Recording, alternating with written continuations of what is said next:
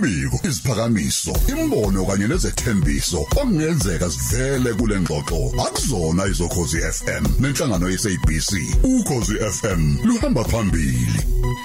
Sibonga kakhulu singena nje kunonkosi. Sibonga ake sibonge nje bani basupe ingoma ade sikunikeza yona. La bekhona ke la ubhongo B ekhona ke uDa Solnator eh no Lady TT besinikeza ke ingoma emnandi kakhulu ke ethi basupe kodwa okwamanje ake sibuka ukuthi zithini ezomnotho? Amandla omnotho nomhlaziwe ezomnotho ugugulethu umfoka xaba nonkosi asikubingelele. Njenge MP nethimba la levuka Africa breakfast show nabalaleli ngiyabingelela ekseni mhlawumbe uphethe neti eceleni noma uphethe isobho angazi kumakhaza phela. Makhazi impela down netiye konke nje. eh, nesobho elishisayo. Ungadli stock ukwabe usudla imbuzi lezo ezifuyiwe lapha ekhaya. uthi isojana unjani nongoma amakhazi hayi kumakhaza wana ngoma. Uyazi ukuthi i- i- idolobhe lihle leli kudlo lonke South Africa kodwa ke kumakhazi impela kakhulu. Kumakhaza yo hayi cha kuhle. Ufaka umbathe lapho gqoke ufaka ama overall yonke into uyabona? Kunjalo, my friend. eh angazi noma ugqoka igown yini kodwa akasazi. ngifake yona impela. Awu insizwa izothini ubani sigqoke izinsizwa le yayibutho? Eh, uphakela umthakathi. Uphakathini uphakathini uphakathini umthakathi ufaka igown ade ade ade nginayo izolo. Into ezozenza la kona ngoma Eh wendaba ndaba nako-ke. Uyase ukuthi hayi yasebenza le nsizwa mbroza ngingakudlela isikhathi sakho sinogugu Yes. lethu. Hey ngale nje yabona amabona amabhenqa kini Uphakela eh, umthakathi. uphakela umthakathi. Enza Ah, izinto mfowethu. engena emabhizinisini Aha. sengamabhenqa ubani othe thina asingena Asi- asingene Oh, emabhizinisini. Suka. siyabonga siyabonga kakhulu. Yo hayi no kuhle Yeah. mfowethu kuhle. Eh kanti ke nathi asingene la. Sibuke ke futhi ke nje yazi siyazi ukuthi ke inyanga yamadoda sikhuluma kakhulu kazi ngazo zonke izinto ezinhle ezizwa amadoda insizwa abafana bonke bangena khona lapho. Nabo sithi abangene ebusinessini ake sibuke namhlanje sibheke kakhulu kazi ke ibusiness noma imarket yamakhowe. N- ukuthi konje ihamba kanjani. Eh sibheke yona. Mhlawumbe umbuzo nje wokuqala uzothi ingakanani le market eh nonkosi yamakhowe emhlabeni nje Yeah. jikelele. Nanokuthi ke thina njengezwe laseningizimu Afrika sikuphi? Mhlambe nxa siqhathaniswa namanye nje amazwe eh akhiqiza amakhowe umbuzo lo obalekile kakhulu mroza ngoba sikhuluma ngamakhoya namhlanje. Uma nje ngingaqala phezulu ngisho ukuthi eh, i-United Nations Conference on Trade and Development ithi iAfrika yonke jikelele ithenga ukudla agricultural products ngaphandle okulinganiselwa emalini engango 50 billion wamadola imali leyo cishe ibe i i- trillion 950 billion rands. Okusho ukuthi ngo2025 sobe sesithenga ukudla ku 110 billion dollars. Okuyihlazo ke leli elikhulu ukuthi iAfrica i- iyolanda ukudla eAmerica nase-Europe kodwa ibikwazi ukuyikhiqizela ukudla. Sithe namhlanje ke sibuke nje okuncane noma esigabeni eh eh sokuthi singayidla kanjani leli ndlovu enkulu kangaka ngokwezomnotho we-agriculture njengoba sihlale sibheka kule ngosi sibheka imakethe yamakhowe. Amakhowe acishe imakethe yabo yonke emhlabeni jikelele kusuka ngonyaka odlule ila ku wa- 55 billion wama dollars okusho ukuthi 1 trillion rand.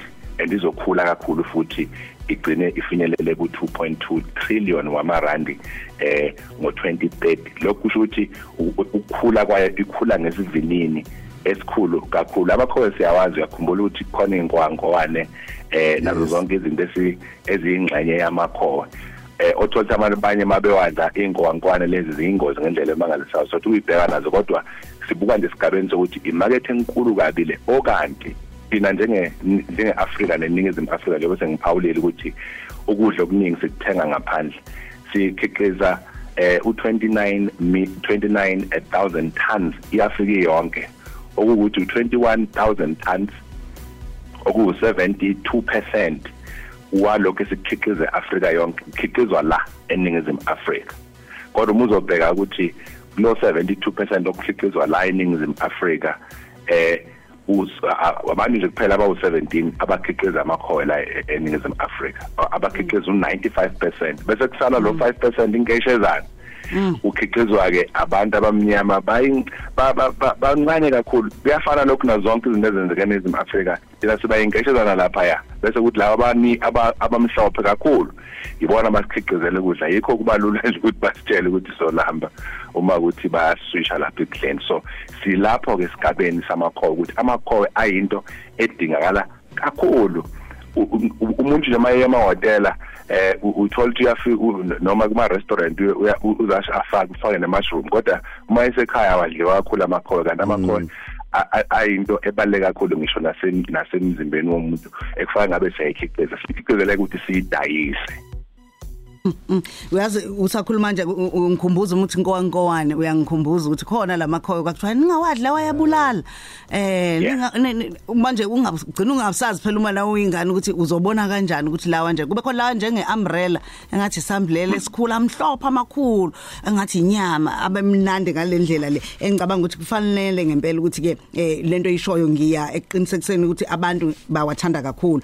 Manje iziphi inhlobo zalamakhowe esikhuluma ngazo ke mhlambe lezi wena ungakhuluma ngazo njengamanje ukwazi ukusicathulisa singaphezulu kwa60 inhlobo zamakhowe kakhulu ekhona emhlabeni jikelele futhi ke ziningi ngalendlela ukuthi khona ezimedicinal ezidila nokusiza umzimba womuntu eh ezakhi ezifaka emaphilisini. Zonke lezo zinto uma ukhuluma ngekho awukhulumi kuphela ngento ofanele uyidle.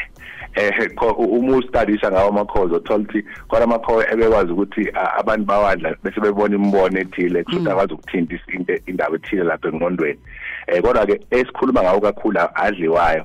La mhlophe yabona kuthiwa ama button mushrooms. Eh no shiitake ne oyster leli impela nje elihle okwazi ukulenza libukeka sengathi liyinyama. Uyakwazi ukuliphose umuntu ongaza ngathi udla inyama yenkukhu Mm. Eh bese kuba omajutake ama truffles ama truffles ke amakhola amnyama acisha kutrainwa ngisho izinja nezingulube kwathungatha ama ukuthi eh fanele avune ale ngase Southern Cape eh njengamanje lawo makhoya ama truffles abizi plate lakhona nje uma ulidla lapha eParis uyahlukana nemali engaphezulu kwa 5000 rand ama truffles abizwa ukuthi ama delicacies abaleka kakhulu kunensizwa esaketha imema lapha kwinkombe yamandla omnotho izokhuluma ngawo Leon eh owenzayo nabanye abaningi nezinye inhlobo eziningi okuhle emroza ngalamakhoya ukuthi ayadliwa uyaprocessa eh enza izinto eziningi ezihlukahlukene abantu mabezowabheka lo mnotho wamakhoya fa bawubheke esigabeni si esikude kabi esihambisana ne value addition ukuthi ukwazi ukwenza zonke lezi zinto ze medicine eh zokuthi adliwe nje njengokudla kanjalo kanjalo. Mm mina ke njengomlalelo okhozi kuphi nje la ngingangena khona ngingazuza khona ngalemboni sifisa ukuthi abalaleli bangene kule ngiboni yamakhoyo ngoba ayadliwa.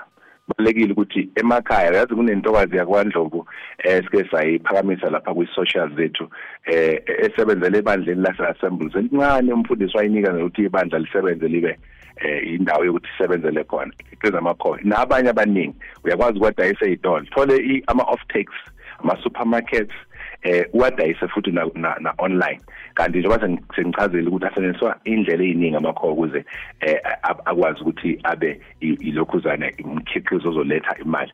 So kuningi abantu abangakwenza emakhaya. Akudingi ukuthi uzobe endawo enkulu ngoba uyakwazi ukwenza ngisho kwarondo kwakho. Ufundiswa nje kuphela ukuthi enziwa kanjani lezi ihlukuzo zakhona egcina ikhiqiza amakhowe eh zikhona ikhulu ezifundisayo la eningizimu Afrika. Nabantu ke abalalela abangasithinta kwi Facebook page yethu sibachazela ukuthi abangafundela kuphi ukwenza amakhowe awusikhumbuza ukuthi konje sinithinta kanjani eh nanokuthi uma sifisa ukulandela ezinye mhlambe ke eh imihlangano enjalo kuba nayo senza njani? Amandla omnotho Facebook page. Bangaya khona lapho abantu ba like ipage la khona noma lami bazofike bathole khona uGoogle ethu Chiqaba ngolesihlanu ngo10 so besilethe iQCTO bazokhuluma ukuthi njengoba sasichaza ngamasitha ukuthi yini umahluko njengamanje laba bafuna ukuthi bangene kuma trainings wonke amasitha u21 eningizimu Afrika. Ukuthi sobe sikhuluma ntambama ngo5 sizobe silethe uCEO waseADA Agribusiness Development Agency or Agriculture Development Agency ubaba Mazibuko lapho eMaritzburg uzobe ezokhuluma nabantu ukuthi bangathola kanjani amathuba ukuthi basebenzisane neADA engaphansi komnyango weagriculture la kwaZulu Natal Siyabonga kakhulu nonkosi. Size siphinde sihlangane ngokuzayo. Amandla omnotho.